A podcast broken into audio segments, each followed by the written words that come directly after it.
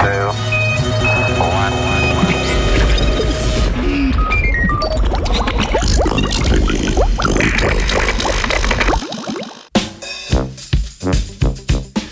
Življenje in siliko. Da bi razumeli kompleksnejše molekularne sisteme, ki gradijo makromolekule v živih celicah, se raziskovalci in raziskovalke vse pogosteje zatekajo k računalniškim simulacijam. Zaradi vse zmogljivejših računalnikov postajajo simulacije vse bolj obsežne, tako po številu delcev oziroma molekul, ki jih lahko v simulacijo vključimo, kot tudi glede na molekularne detajle, ki jih lahko s takšnimi simulacijami preučujemo. Raziskovalca sta v raziskavi, objavljeni v znanstveni reviji PNAS, naslovila vprašanje računalniških omejitev, ki jih prinaša takšen teoretični opis kompleksnejših molekularnih sistemov. Postavila sta si vprašanje, ali bomo lahko kdaj simulirali poenostavljene modele celotne celice. Zlati standard simulacij predstavlja metoda imenovana molekulska dinamika, pri kateri molekule predstavljajo skupki kroglic, te pa predstavljajo posamezne atome. Med atomi v simulaciji v vsakem trenutku delujejo sile, ki vplivajo na premikanje atomov v naslednjem časovnem intervalu simulacije. Po vsakem premiku atomov mora računalnik za vsak naslednji časovni interval izračunati sile, ki delujejo na vse atome v simulaciji. Na tej podlagi algoritem za vsak naslednji interval, ki predstavlja kratko časovno enoto, predvidi položaje kroglic v naslednjem intervalu.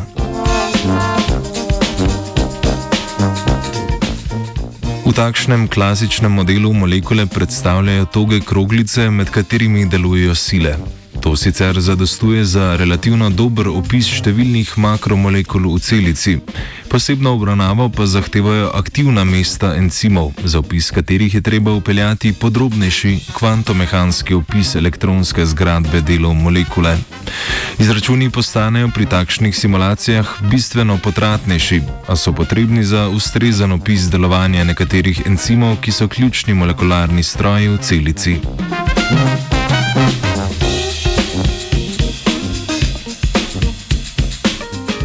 Raziskovalca sta na podlagi empiričnih ocen trajanja takšne simulacije molekulske dinamike ocenila, koliko časa bi potrebovali za simulacijo dveh ur življenja najenostavnejše bakterijske celice na trenutno najzmogljivejšem superračunalniku. Prišla sta do ocene, da bi z današnjo računsko močjo za takšno simulacijo potrebovali več milijard let.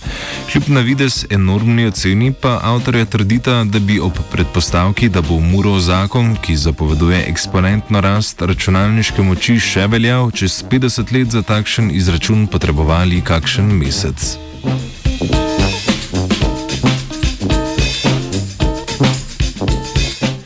V raziskavi sta avtorja naslovila tudi simulacije bistveno kompleksnejše nevronske celice. Avtorja ugotavljata, da simulacija tako velikega kompleksnega sistema, ob predpostavki, da bo umurov zakon še veljal, ne bo mogoča oziroma smiselna še vsaj do konca stoletja.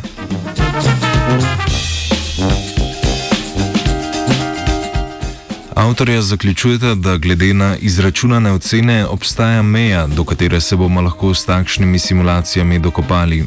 Simulacija večceličnih kompleksnih organov, kot so denimo možgani, morda sploh ne bo izvedljiva. Čeprav s takšnimi simulacijami morda ne bomo uspeli razložiti veden kompleksnih interakcij med celicami, naprimer v možganih, pa bodo takšne simulacije vseeno še vedno prispevale k zmeraj bolj poglobljenemu uvidu v kompleksne molekularne sisteme, ki celico sestavljajo.